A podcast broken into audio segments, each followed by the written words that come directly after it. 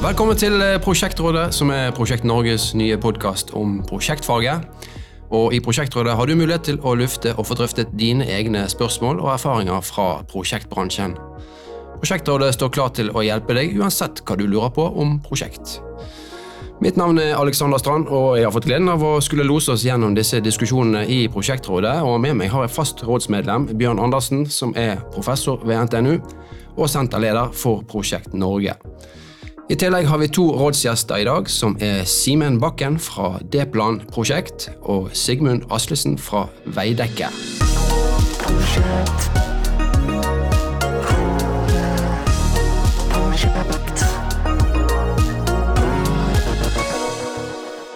Velkommen, Simen og Sigmund. Hvem er dere? Fortell litt. Ja, Sigmund Aslesen heter jeg. da. Jeg eh, jobber i, i Veidekke. Det har jeg gjort de siste tolv årene med forskning og utvikling. Eh, og før det så var jeg samfunnsforsker. Og jeg er sosiolog av bakgrunn. Ja, Mm. En forsker i entreprenørverden. Ja, Det går an. ja, ja. Det går an. Ja, Det gjør det. Fantastisk. Og du, Simen? Ja, jeg er sivilingeniør fra den gang det het NTH, så da kan man regne ut hvor lenge det var siden. Eh, Jeg eh, har et konsulentselskap, jobber i et konsulentselskap som eh, jobber med særlig tidligfase. Lager et prosjektstyringsverktøy som heter D-plan, som er basert på Lean prosjektstyringsløsninger. Det er veldig spennende. Og er også leid inn til Statsbygg som Statsbyggs prosjektleder på det som nå heter Norsk havteknologisenter, som er et veldig spennende og viktig prosjekt i Trondheim. Ja, fantastisk. Og du Bjørn, vil du si litt eh, hvem du er for nye lyttere, og litt om Prosjekt Norge? Ja, fortsatt eh, professor på NTNU i prosjektledelse. Har ledet dette Prosjekt Norge-senteret i ganske mange år. Som jo er en sammenstilling av partnere fra alle deler av verdikjeden som jobber for å få prosjektene til å bli bedre. Bra. Da eh, tenker vi gå på spørsmål som vi har fått inn her. Og til info så, så holder vi personnavn og firmanavn anonym. Eh, tilfelle så ingen skal være redd for å sende inn problemstillinger som kan være litt vanskelig eller delikat. Da går vi på første spørsmål her. eh, Kjære prosjektrådet. Som elektroentreprenør har vi i noen måneder nå arbeidet i et prosjekt der det brukes såkalt taktplanlegging. Det høres veldig attraktivt ut, for da skulle vi få ha området vi til enhver tid arbeider, i for oss selv, uten at andre fag holder på samtidig. Dessverre opplever vi en del ganger at enten de som er foran oss i løypen, ikke er helt ferdig når vi rykker inn, eller sågar at vi ikke rekker å bli ferdig innenfor den tildelte uken. Det skaper en del trøbbel, men vi syns ordningen er så lovende at det er synd om dette ikke gjøres mer av.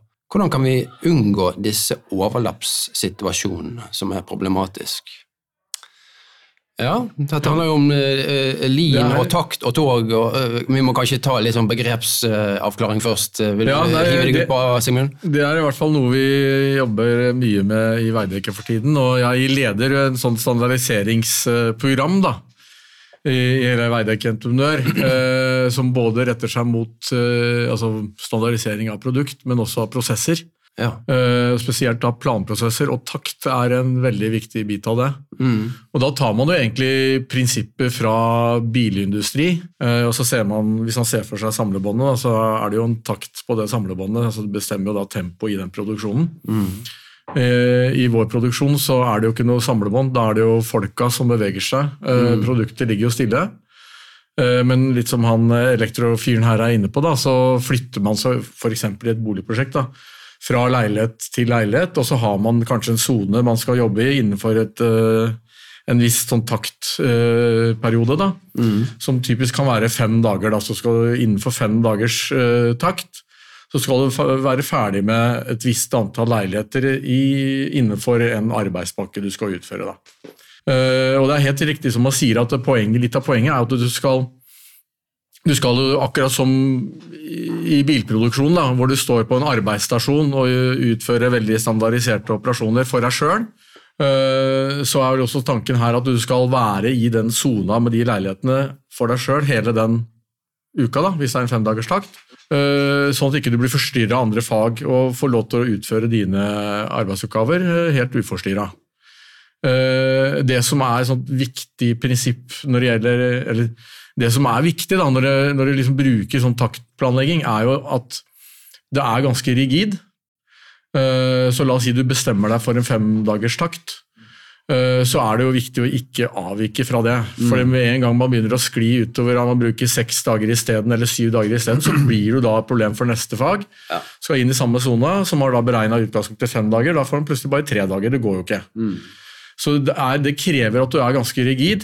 Så det vi pleier å si, eh, der vi holder på, da, det er det at det er, det er liksom aldri et spørsmål om om du blir ferdig til fredag. Det er hvordan du blir ferdig til fredag. Ja. Eh, eh, og hvis det skulle være sånn at du av en eller annen grunn henger etter, og det kan jo skje Ja. eh, Vi oppfordrer ikke til at det skal være masse helgearbeid, og sånn, men det er jo da en buffer du har. Du kan jobbe da ettermiddager i, den uka du er i. Du kan også jobbe i helgen for å jobbe inn. Eh, og så er det selvfølgelig, i hvert fall hvis du tenker boligproduksjon, da, så har du også et alternativ at de, de fagene som går i hverandre, da, eh, er avhengig av hverandre. At de, de gjør en avtale om at eh, la oss si en sone på fem leiligheter. At du det faget som ikke er helt ferdig, kan holde på i siste leilighet, og så kommer faget som skal inn da, i samme samme sone og begynner på leilighet nummer én. Da forstyrrer du ikke hverandre. Og det er klart, sånne avtaler, uformelle avtaler, det gjør det hele tiden. Det, vi som funksjonærer blander oss ikke opp i det. Så lenge vi veit at takten går, og at hver fredag så er liksom taktområdet ferdig, eller i hvert fall mandag, da skal det være klart. Ja. Så neste fag kan begynne på sine oppgaver. Da. Så det, det krever at du er rigid, Ja. men gevinsten er jo så stor, som han her, karen her er inne på, da, for alle fag. Mm. Det gir en veldig forutsigbarhet, og det, det Ja, ja. skaper jo også sånn vi ser da, at det, det skaper jo veldig sånn en veldig ryddig og ordentlig eh, arbeidsområde for hvert fag når du kommer inn i ny sone. Mm. Og hvis ikke du gjør det, så sier de fra med en gang. Ja, for, eh, jeg tenker på et annet begrep som jeg tror ikke det sto i spørsmålet, her, men, Nei. eh, men dette som heter tog. Eh, så at Du nevner jo eh, Ja. bilproduksjon og Ja. en produksjonslinje. Her Ja. er vi inne i et bygg, eh, og vi kaller det da et tog? Ja. for disse her skal bevege seg. Ja. Og I et tog så alle, vognene må bevege seg samtidig. Mm, helt riktig. Mm. fordi eh, Du kan ikke ha én vogn som går fortere enn en ikke. resten av vognene. Så, så sånn må det være da i, i dette produksjonstoget. også, Det er et veldig godt bilde, da. Altså Ja. det med tog. Nettopp av den grunn at alle må jo bevege seg litt sånn i, samtidig. Eh, ellers så blir det jo feil. Ja. Eh, så, så vi bruker liksom tog og eh, og i tog så har du liksom typ sånn i boligproduksjonen, i hvert fall for innredningsfasen, da, så har du kanskje en 14-16 vogner Mm. med definerte arbeidspakker som er veldig standardiserte. Da. Ja. Uh, Og Da blir jo det spesielt viktig at alle blir ferdig til den tiden. sant? Så spørsmålet her var jo eh, Det er jo ikke alltid det skjer, sånn som planlagt. Nei. Nei. Og det, det vi sier da er, Nå har jeg vært inne på den tidsbufferen da, som du, du da egentlig har. Ja. Gjennom at Du kan jo jobbe ettermiddag og kveld og helg, men vi ønsker jo i utgangspunktet at ikke folk skal legge opp til det. Mm. Så øh, det er klart, Da er det jo dette her med øh, å beregne riktig kapasitet da, Ja. er utrolig viktig. Eh, så vi, når vi lager den takplanen, og nå lager vi sammen basen for de ulike faga, så er det sånn at de er jo med å gjøre gjøre som anslag i hvert fall på timeverk Mm. de vil bruke i den og den sona, eh, gitt hvordan leilighetene ser ut i denne sona. Eh, og så beregner din kapasitet ut fra det. Og kanskje ikke sånn akkurat, men ha en liten buffer. Fordi f.eks. i boligproduksjon så er det sånn ja, så har du leilighetsproduksjon som går, med tog og vogner og alt det der, men så har du jo samtidig mange andre, andre aktiviteter som går. Mm. Nede i kjelleren, oppe på taket, ulike steder. Og der har du også en buffer. Ja. Så la oss si du kanskje bare trenger, hvis du er to mann i en vogn da, og beregna en uke, Ja. uh, og så bruker du bare liksom halvannen mann, da, du ser, og det finner man ut ganske fort, Ja. så kan jo liksom den ene personen gå fra onsdag til fredag nede i kjelleren og utføre andre oppgaver som også skal gjøres. Så du har en kapasitetsbuffer. da. Men, men når du da han, eh, Her er det jo en underentreprenør som kommer inn. Ja, Eh, Hvordan kobler dere på dem? Blir det da sånn at de får tildelt fem dager, eller hvordan er, eh, er det, står det når dere spør dem om, når dere spør om tilbud? Sier Mm. dere da at det er fem dager, og de bekrefter det når Nei. de gir tilbud, eller hvordan? Nei, er det er et kjempegodt spørsmål. Altså. Og, og sånn vi gjør det, da, så har vi noe som vi kaller for sånn workshop null. Eh, og da, da går vi egentlig bare inn på Og det er samme basen for alle UR, Mm. eh, og våre egne baser. Altså på eh, innredning, da. Altså tømmer. tømmer. Mm. Og, og da er det sånn Vi tar for oss bygget. Vi sier liksom her er milepælene. Vi har så og så lang tid på innredningsfasen. Mm. Eh, vi har tenkt å jobbe etter de prinsippene, taktplanlegging og, og sånn. Så forteller vi litt om hvordan de prinsippene er. Vi viser til og med en video fra Fords fabrikkproduksjon på Ja. eh, 2030-tallet, for å se liksom hvor det er henta fra. Da. Må så langt tilbake, ja. Ja, eh, ja vi snakker 1920-tallet. Ja, det er noen år siden. Ja, ja, det er noen år siden. Men det er allikevel det, det er jo det det er basert på. Også sånn for at vi skal få inn litt sånn prinsippene og sånn. Mm. Eh, og så er det egentlig sånn å finne ut da hva, uh, hva er liksom uh, Hvor mange leiligheter tror vi at vi må ha i en sone, gitt at en sone skal liksom være en ukes produksjon? da. Eh, for deg som rørlegger, for deg som elektriker, for deg som tømrer. Og de har jo selvfølgelig forskjellige svar. Mm. Fordi omfanget av deres arbeid er jo forskjellig. Det er ulikt. Så det blir jo aldri perfekt. Det går, ikke al det går aldri opp to mann full uke for alle fag. Det går jo ikke. Mm. Eh, så da er det liksom, det er jo i den forbindelse vi trekker inn det der med ja, men da må du begynne å snakke om bemanning også, og tenke liksom hvor mye kapasitet trenger jeg? Gitt liksom hvor mange timeverk er jeg anslår at dette vil ta for meg? Eh, og så beregner du hvor mange personer du trenger ut fra det. Eh, og det gjelder UE også. Men i den workshop-dull så er det sånn ok, vi ser det store bildet. Vi har ikke sagt, vi har ikke sagt da heller at det skal være femukerstakt, men nå har vi såpass mye erfaring med det at vi opplever det som best. Mm. Nettopp fordi at de ligner mest på sånn uka den sånn de er vant til å forholde seg til uka. Uh, at det gir en sånn forutsigbarhet uh, i den sammenheng. Og så er det, det nettopp det at du har denne bufferen i enden hvis du trenger å benytte den. Mm. Og den er veldig greit å ha. Eh, og hvis du går ned på sånn to dager og endagerstakt og sånn, du kan jo tenke deg ja, en, hver leilighet er en takt, da. Da skaper du fort et ekstremt sårbart system. Så med en gang det avviker, så blir det krasj. Ja. Og den kan komme ganske fort, for det er aldri sånn at alt, alt skjer som planlagt. Men har du liksom fem dagers uka, liksom, så har du litt slingringsmonn allikevel. Du, ok, du kan ligge litt i bakkant de første to-tre dagene, men så kan du ta deg inn allikevel. Eh, Du får sykdom, det oppdager du først på mandag, men ok, men da får vi en person kanskje på onsdag. Så må vi jobbe litt inn da. Men allikevel, du har det der slacket, da. Men det du sier der, jeg tror jeg er et viktig poeng her, Mm. at, med sårbarheten. Sant? For det, at, eh, det husker jeg har lest om, for dette her er jo innenfor lean, dette her vi snakker om nå. Sant? Mm. Ja. Lean construction. Og, og, og eh, det var vel eh, sant? Dette kommer jo fra Japan og Toyota og litt Mm. sånn, og så var noen eh, amerikanere som ville ta dette bort igjen til USA. Mm. Eh, og da vurderte de å kalle det for fragile, Ja. leste Mm. jeg eh, en eller annen plass.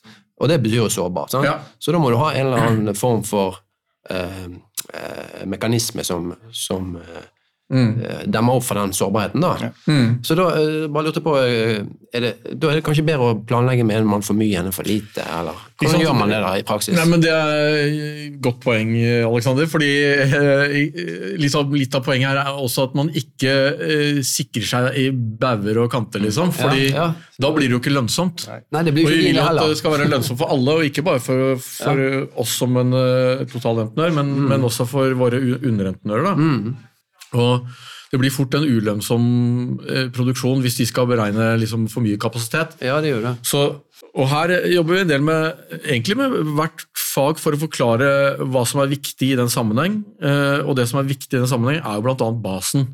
Mm. At basen hele tiden følger opp i vognene og ser hvordan ting går, og ser Mm. er det overkapasitet i den eh, vogna. Det, og det avdekker de jo fort. Sørge for å ha liksom andre oppgaver og sette den personen på, sånn som jeg var inne på tidligere, da, i hvert fall enkelte dager i uka, sånn at det går opp. Ja. Fordi, i hvert fall for uh, tømrerfaget, da, øh, altså vårt fag, så, så de jobber jo etter akkord. Så for dem så er det jo veldig naturlig å tenke sånn. For hvis de skulle hele tiden buffra med mye overkapasitet, så hadde det gått utover akkorden. Ja. Det vil jo ikke. Men klarer du å få toget til å gå fortere og fortere? Altså Klarer du å lære etter hvert, sånn at du, det som tok fem dager eh, på de første leilighetene, tar eh, fire dager? og... Det er også et veldig godt spørsmål. Da. Og, vi, eh, vi sier at poenget er ikke å løpe fortere, men å løpe jevnt. Og at hvis ting går greiere, og det gjør det jo Du får jo en utvikling etter hvert som innebærer at mens man i utgangspunktet brukte liksom eh, 30 timer i en vogn, Mm. så etter hvert så bruker man kanskje bare 24, eller kanskje bare 20. Da er egentlig poenget at ja, men da har du en fin overkapasitet eh, som du kan bruke på noe annet. Eh, men helst ikke klustre med Ja, eh, det- togene og takten, for den er lagt. Hvis det er bare én vogn som går fortere, så hjelper jo ikke det. Nei, ikke sant? Ja, Det er akkurat det. Du har veldig lite Ja, å ja, hente på det, egentlig. Ja. Men det er sånn vi tradisjonelt har tenkt. Ja. Da gønner vi bare på, og så er de da fort inn i sona til Ja. faget foran seg, og det, det skal de jo ikke. Da Nei. blir det jo kluss. Det må i så fall være en styrt uh, akselerasjon, da. Da må det være en styrt Ja. akselerasjon, men det, du snakker da styrt akselerasjon med 16 vogner, Ja, liksom. ja, og den er ofte litt komplisert. Ja. Så da er det heller mye bedre å i, i beste fall ta av en person. Og det har vi også gjort.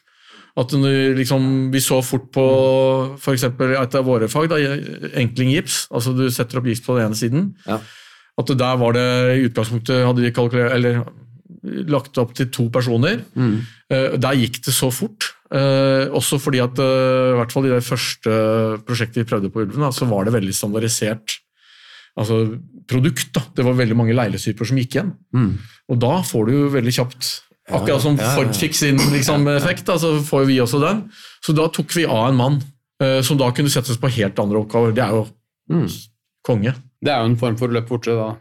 På en måte så er det det, men ja, det er ikke det allikevel. Da er det liksom å bruke den ressursen et annet sted. da. Men det, jeg tenker at hvis gutta får eh, akkordbetalt, så vil jo de vil jeg tro at de vil være opptatt av å ha én mindre å dele på.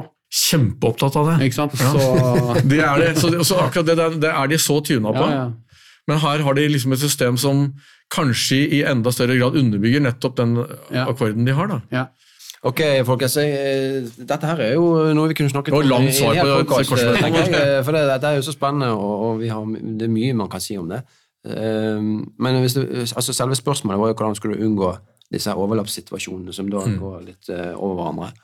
Og det, det har jo Sigmund sagt mye om, men der er faktisk litt ny forskning på det også. Ja, det var det jeg skulle til å Ja. høre om du hadde noe eh, Kollega Frode Drevland på NTNU er Ja. sånn Lean-ekspert, og han veileda en masteroppgave i fjor, som en som heter Terje Øvergård Dahlberg, som nå jobber i Konsto i Trondheim. Han så nettopp på en, en, sånne forsinkelser. Ja. Og, og det kalles jo for øvrig forsinkelsesparaden for det som skjer hvis at ett ei vogn begynner å bli forsinka, så, så forsinker du alle bak hvis du ikke klarer den her eh, sett på ekstra ressurser. Ja. Og det vet man. Jeg vet ikke hvor sint kona blir hvis jeg kommer ut av takten når vi danser, så det kan man jo ikke ha noe av, det vet vi jo. Men han fant åtte årsaker til forsinkelsene. Og han sier forsinka leveranser, altså materialer og sånt, det kan jo forstyrre. Logistikkforstyrrelser, altså flyt rundt. Feilproduksjon og feilestimering av arbeid, som du nevnte, det er jo ekstremt viktig. Mangel på tilgjengelig arbeidskraft. Sykdom, sånn som du nevnte, Sigmund. Manglende forpliktelse til takten som kanskje er ille skader som oppstår, og den her forsinkelsesproduksjonen, at noen foran deg var forsinka. Og, og han sier, sier jo at en del av de grepene er jo alt det Sigmund har nevnt, og så nevner han i tillegg dette med sånne ukentlige møter, mm.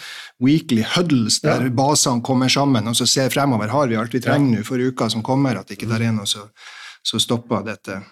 Men uh, jeg tror det er spesielt det her Føl forpliktelsen, og det du sier, ta med basene i den planleggingen, sånn at alle har eierskap til de dagene de har, og hvor mye de skal rekke. Det er kanskje det aller viktigste. Og så er det en ting som, Du nevnte det kanskje litt, men eh, i USA snakka de også om sånne emergency response teams. Sånn at hvis du ser at et fag begynner å slite og rekke takten sin, så er det ekstra kapasitet som kan rykke ut, og så da stå på for å sikre at du når helga, eller hva du måtte nå. Vi har jo sånne, i hvert fall på det første trinnet vi prøvde ut, så, så hadde vi sånn følere kan du si, hver onsdag. Vi gikk ut og sjekka. Ja. Eh, vi har traineer på prosjektet vårt som gikk ut og spurte hvordan det gikk. og bare Ja, ja, ja. sånn, Men uh, da så vi også veldig fort hvordan det lå an. Så sånn føler må det jo, bør man jo helst ha, og det Mm. kan man sikkert på en eller annen måte digitalisere òg. Ja. Men jeg er redd at man da kanskje misser eh, verdifull informasjon. Da. Men jeg tror liksom, eh, Hvis du skal oppsummere svaret eh, Mm. kort, så er det Mm. kanskje at du må eh, sjekke av hvor du ligger an i, i takten din sant? eh, underveis. Ja. Ikke bare helt til slutt, men, men litt midt i uken, f.eks. Mm. Eller kanskje hver dag. Mm. Eh, og så hadde jo du mange årsaker til hvorfor eh, Ja. disse tingene oppstår. Så det kan man jo da ta tak i. Roteårsaken, Ja, kanskje. det er veldig gode poenger. og det er klart Alt det du sa der, er jo kritiske faktorer. Altså Mm. Dette med leveranse, eksempel, det, jo, det krever en helt annen leveranseplanlegging enn man kanskje Ja. tradisjonelt er vant til. Ja. Og spesielt for fag som da er kritiske, f.eks. på innredning, og sånn, kjøkken og parkett. og sånn. At mm. Man sikrer ganske lang tid i forveien. da. Ja. At det er på plass. At det, Ikke nødvendigvis at det er på plass lang tid i forveien, men at det, det kommer at man jobber veldig spesifikt med det. Ok, skal vi eh, gå videre til neste spørsmål? Uh, og det er kanskje litt mer i sånn tradisjonell uh, entreprisegjennomføring. Eh, det lyder som følger. Hei, Prosjektrådet. Vi har en stor entreprise i et byggeprosjekt der vi ble involvert nokså tidlig i utviklingen av prosjektet, med svært godt samarbeid og resultat. Eh, jeg antar at denne personen nå er entreprenør. Skal vi se. Når vi gikk over til gjennomføring, engasjerte byggherren en byggeleder som ikke var involvert fra byggestart, og nå er det endringer og omkamp om mange ting som var avklart tidligere. Hvordan kunne prosjektet unngått dette, og hvordan kan vi kaste ut byggelederen? det er jo klassisk at man ønsker å kaste ut her. Det, det høres ut som en sånn veldig klassisk problemstilling. Ja. Um, jeg, jeg tror det at Man får generalisere det problemet litt. Da, det er når du får inn nye folk inn i et prosjektteam som har fungert veldig bra. Ja. Um, og, uh, og igjen for å generalisere, da. Det er de fleste som har denne type roller, kommer inn og har uh, stor tro på seg selv og sine egne, egne ideer og egen kompetanse. Og, og, og det å være Den mangelen på å forstå den konteksten du kommer inn i, er uh, utbredt. Som dette her er et eksempel på. Ja. Uh, og det, det er jo to sider av dette. her. Det ene er jo vedkommende som kommer inn, at man, bør, uh, man kan lytte i fire dager før man sier noe. Det er en god regel. og så er det selvfølgelig at man er bevisste uh, som byggherre. At når man da introduserer en ny en, så representerer det også en risk, risiko for byggherre. Fordi at det blir eh, støy i prosjektet som det blir her. Så det er jo ikke bare et problem for entreprenøren, dette, det er jo også et problem for byggherre fordi det blir mer støy. Så det at byggherrene også blir bevisst når de introduserer nye byggledere, nye prosjektledere, så er de nødt til å ta for seg vedkommende og, og sette vedkommende inn i det gode samarbeidet. Fordi at et prosjekt som dette, én ting er enkeltpersonene, men en annen ting er relasjonene mellom enkeltpersonene, som er helt avgjørende. Det kan være kjempegode relasjoner, og hvis du tar bort én, så kan du ikke bare putte inn en annen relasjon kommer tilbake. Uh, nå prater jeg litt inn i ditt fagfelt, merker jeg, men, eh, men, men, men, men, men jeg tenker at årsaken til at man kommer, kommer i den situasjonen, er mangel på bevissthet omkring det jeg sier nå. Ja. Man tror man bare kan ta ut én flink og putte inn en annen flink. Det kan man ikke. Og særlig dette med omkamper, og dette er jo sikkert vi i Norge verdensmestere på. Eh, og, og, og fordi at det blir også bare støy. Når ting er besluttet og det er forankret, så selvsagt så må man stå ved det. Så, så, så jeg tror at uh, mye av problemet her er en mangel på bevissthet omkring det å introdusere nye personer, hva det kan avstedkomme. Man tror at uh, litt sånn ingeniørmåten gjør det på, man tror at en person er lik en annen, og hvis du bare flytter ut og dytter inn, så er alt som før. Men, men, men det er det virkelig ikke. Altså. Og dette her er Altså De menneskelige relasjonene og, og egenskapene i prosjekt, og særlig eh, som dette her, er kjempeviktig å være bevisst. Både, og jeg tenker entreprenørene her må jo bare si fra til byggherre at dette her, her funker ikke. Og så må man selvfølgelig gjøre det på en ryddig og dokumentert måte. Mm. For det vil jo også være en kostnad for byggherre her å skifte ut vedkommende. De har sikkert mista en god en, og så kommer det enda en, så funker ikke han eller hun. Men tenker du at det er byggerens ansvar å, å, å få denne personen inn på riktig måte? Ja, det, det, det tenker jeg, og det er også i byggherrens eget, uh, egen gevinst også å gjøre det på en ordentlig måte. Ja. For ingen byggherre er tjent med en entreprenør som uh, føler at dette er vrient. Nei? Uh, og, og der tror jeg også mange byggherrer gjør litt feil, fordi at de tror at ja, ja, men vi bestemmer så vi kan putte inn hva vi vil. Mm. Men Mm. det Altså, Alle byggherrer er jo tjent med en entreprenør som er happy og som får tallene på riktig side av null. Sånn er det jo. Eh, og Derfor tenker jeg at dette er et eh, altså Byggherren bør gjøre det for å sikre en fort. For dette prosjektet her har tydeligvis starta veldig godt. da. Mm. Eh, og det er jo alle Mm. tjent med. Så jeg Bevissthet rundt uh, fra byggherren rundt dette og så bør også erfarne byggeledere prosjektledere bør også være klar over dette her. Ja. ja hva sier du, sosiologen? Eh, Altså, skal vi kaste ut denne Nei, det synes jeg er Det bør være i så fall siste løsning. Altså, det Nei. Uh, nei, jeg, jeg syns det er bra det Simen sier, og så tenker jeg at eh, det, er- jo en ganske vanskelig Det må være en litt vanskelig rolle å komme inn som byggeleder, for du er, du er liksom byggherrens representant, og så er du ikke en prosjektleder i type entreprenørforstand, men du er tett på allikevel, en prosjektleder i entreprenørforstand, men du er ikke det. Så det er liksom litt sånn mellom barken og veden. Det er, det er ikke en enkel eh, rolle. Eh, så du skal liksom da eh, jeg vil tro du kommer inn og så skal du markere deg litt. Eh, og jeg tror at en del av de, det utfallet her kan jo handle om det. At du har en sånn behov for å markere deg sjøl. Og så er jeg helt enig med Simen at uh, å, å jobbe med den der onboardingen bør jo være et sånt ansvar som ligger på byggherren. altså Sørge for en god onboarding. At, eh, at den byggelæreren som kommer inn, skjønner konseptet her. Eh, For eh, et, et prosjekt er gjerne forskjellig fra et annet prosjekt. Eh, Prosjektledelse er liksom ikke bare Det er et fag, men det er også veldig forskjellig hva man skal bygge her og der. Så det at man liksom setter seg inn i dette spesifikke prosjektet, og er kanskje litt ydmyk på det, Ja. det tror jeg man har mye å, å vinne på. Altså. Eh, og jeg tror det der å, å få til en god tone med en entreprenør for en byggeleder tror jeg handler veldig mye om å være litt sånn, ikke nødvendigvis ydmyk, men være i hvert fall interessert i å høre mm. liksom, hvordan entreprenør eh, forstår og tenker å håndtere prosjektet, og, og liksom er åpen for å gi entreprenøren mulighet til å sette bygglederen inn i det. Da. Eh, men ja, altså det tenker jeg, da. Ja, så mm. skal ikke nødvendigvis kaste ut byggelederen ved første anledning, men øh, det er jo som du sier, jeg tror det er ofte sånn at man har behov for å markere seg litt øh, Ja. når man kommer inn, og skal jo ja, det skal jo være en grunn til at vedkommende er der. Sant? Må jo vise at han uh, gjør en jobb. Jeg tenker jo generelt med prosjektledelse, sett litt på spissen. Altså, hvorfor kan noe som eh, på papiret er så enkelt, være så vanskelig? Og jeg tror svaret på det er menneskene. Mm. fordi eh, prosjektlederteori eh, kan, man jo forstå, kan, kan man jo forstå, men, men det er jo mye vanskeligere enn det man lærer på skolen.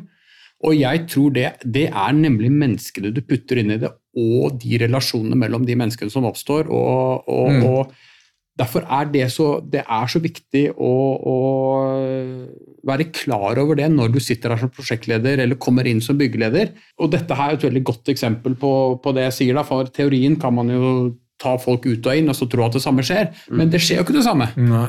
Og det lærer du ikke på prosjektlederkurset. Mm. I hvert fall ikke nok.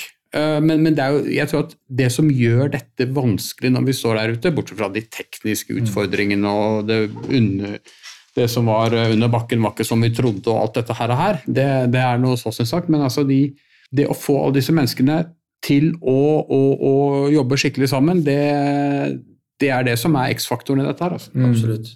Nå var det jo litt uklart om det hadde vært en byggeleder før som var blitt bytta ut, men jeg oppfatter kanskje snarere at man ikke hadde en byggeleder på plass. Den, denne ble engasjert når man gikk over i Gjennomføringsfasen. Ja. Og det er vel ganske, ganske vanlig, men vi, det er jo veldig mange trender nå som peker i retning av mye tidligere involvering av mange aktører. Og jeg vil jo si at også byggeleder er en sånn aktør som burde vært med også fra en tidligere fase, nettopp fordi å skjønne konteksten og forstå de avtaler som gjøres og sånt. Og, og vi har et, et forskningsprosjekt som heter Optimaltid nå, ledes av Ole Jonny Klakegg oppe på NTNU, som skal se på nettopp hva er det optimale tidspunktet for å bringe inn ulike aktører og leverandører ut fra oppgavens karakter og prosjektets natur og osv., nettopp fordi at det er for seint å ta det inn eh, langt ute i, i prosjektet. Og Statnett, som jo er en stor um, byggeherreorganisasjon, de hadde lenge praksis om at ved milepælen overgang til gjennomføring, så ble byggelederen engasjert.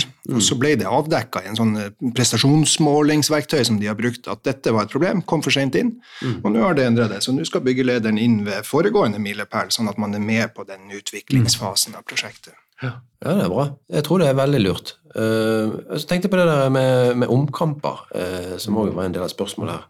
Uh, du som sitter på all verdens forskning, Bjørn. Mm. Eh, Er det sånn at Norge er verdensmester i omkamp? Ja, vi har tendenser til det. Dette nevnte målesystemet som vi forvalter fra NTNU, dette TEN-10, som er brukt nå i et par hundre norske prosjekter, så viser det seg at to av de faktorene vi scorer aller lavest på, det i sammenligna med andre land, det er om beslutninger anses som endelig. Og, og det vi ikke, det er ca. 20% av prosjektene sier at, at beslutning anses som endelig, og ikke gjenstand for omkamp. Så vi er verdensmestere i omkamp. og, og det andre er, er om møtetida i prosjektmøter brukes til noe produktivt, og det er vi også på ca. 20% Så 80% av møtetida er tilsynelatende bortkasta også. Nå tror jeg det er satt litt på spissen. Der tenker jeg at der har Teams vært glimrende. ja, det, Fordi at Da kommer folk i tide, og du slipper alle anekdotene. Og det er stort sett en som snakker av gangen. Og jeg har også merka at den der eh, kjekkasfaktoren har blitt eh, borte, og det er jo bare overhead. Så, så eh, min erfaring er at eh, presisjoner i møter har blitt altså så mye bedre på, på Teams. Eh, Vi kjørte hele forprosjektet på Norsk havteknologisenter kjørte vi på Teams, fordi at Slegga kom to dager etter vi hadde oppstartsmøte. Og så satt vi, og, og det fungerte altså utmerket. Det ble kjørt eh, eh, prosjekteringsmøter med 25 stykker, 25 stykker på Teams. Fordi at du må planlegge på en helt annen måte. Og du må sette deg inn i ting, og du må presentere ting på en ordentlig lettfattelig måte. Så det er en del sånne faktorer der som eh, tror jeg hjalp positivt da, i forhold til det du nevner der, Bjørn. Da er spørsmålet har dere fått færre omkamper av Teams. Ja, det tror jeg, for det er færre berøringspunkter. Ja. Så det, det ble en spekulasjon fra min side. Ja, ja. Men jeg tror det, fordi at det som er litt av greia, er at man går, sitter i møte, og så går man ut. Og så blir to enige om at det vi besluttet der inne, det var, det var litt uh, idiot. Vi må gjøre noe annet. Og den effekten tror jeg også er der. Ja. Men det får du ikke til på Teams. da, på samme måte. Nei, men det, nei, det er sant. Men jeg tenker samtidig at uh, ut fra en sosiologisk betraktning, da, uh, så vil jeg jo si at det er Hvis du skal liksom skape relasjoner over tid Ja, ja. Og, og få til liksom noe tillitsbasert, Mm. så er det en fordel at man ser hverandre fysisk uh, og jobber nært sammen til Ja. tider. Uh, og det er tydelig det som har skjedd i forprosjektet eller tidlig i prosjektet her. Mm. Liksom. Da har de sikkert hatt en veldig bra tone og sittet sammen og jobba, og, og så liksom skjer det et skifte. Mm. Uh, og jeg tror liksom det, det der med Ja, jeg har veldig tro på å, å være fysisk sammen, altså. Eh, At det For all del, jeg er Ja. helt enig. Men jeg, jeg, min betraktning var mer rundt den økte presisjonen som Ja, ja, kom, isolert sett. Ja. Og så kan man jo kanskje ta med seg det litt, prøve å mikse disse greiene, da. De, de to ekstremene, da. Ok, Hvis vi skal oppsummere dette til et eh, råd da, til innsender, eh, som spurte hvordan kunne vi unngått dette, og, og kan vi kaste ut byggelederen, skal vi si eh, hvordan kunne dette blitt unngått? Det kunne Byggeren kunne engasjert byggelederen tidligere, det kunne vært et tiltak. Eh, og kunne kanskje satt vedkommende i hvert fall inn i prosjektet på en bedre måte uansett. Eh, og skal de kaste ut byggelederen? Nei, sier du, Sigmund. Og, og her bør i hvert fall denne entreprenøren si fra til bygge, byggeren, og så prøve å få, få eh, tatt tak i dette her på en bedre måte. Ja. Da sier vi at det er vårt råd til eh, innsender. Hei igjen, det var episode fem av Prosjektrådet, som er første del av en dobbel innspilling. Og nå kan du glede deg til episode seks av Prosjektrådet, der du får høre mer om annet program- og porteføljestyring, hvordan bør det gjøres både i teori og praksis, standardisering av arbeidsprosesser eller større rom for fleksibilitet, hva er best for størst måloppnåelse i prosjekter, og hva kan bygg- og anleggsbransjen lære av smidige IKT-prosjekter. Glem ikke å abonnere på Prosjektrådet i din podkastspiller, så er du sikker på å få med deg alle episodene når de kommer ut. Prosjektrådet er Prosjekt Norge sin podkast om prosjektledelsesfaget og kobling til problemstillinger i praksis. Står du i en vanskelig situasjon i ditt prosjekt og lurer på hva du skal gjøre? Har du et prosjektdilemma og du ønsker innspill fra andre? Har du en vanskelig ledelses- eller samarbeidssituasjon i prosjektet ditt? Har du kanskje erfaringer fra situasjoner som du syns eh, kunne vært løst bedre, eller kanskje gode erfaringer fra et prosjekt der alt gikk på skinner? Prosjektrådet lytter gjerne og diskuterer hva du ønsker å dele.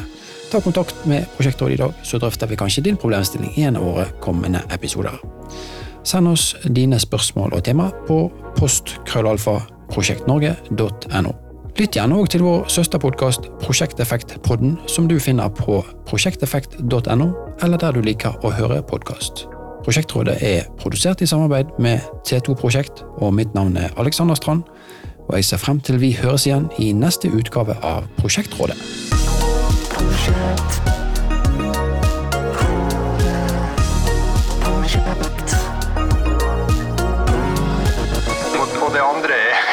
Møtetida i prosjektmøter brukes til noe produktivt, og det er vi også på ca. 20 så 80% av møtetida er tilsynelatende bortkasta også. Nå tror jeg det er satt litt på spissen.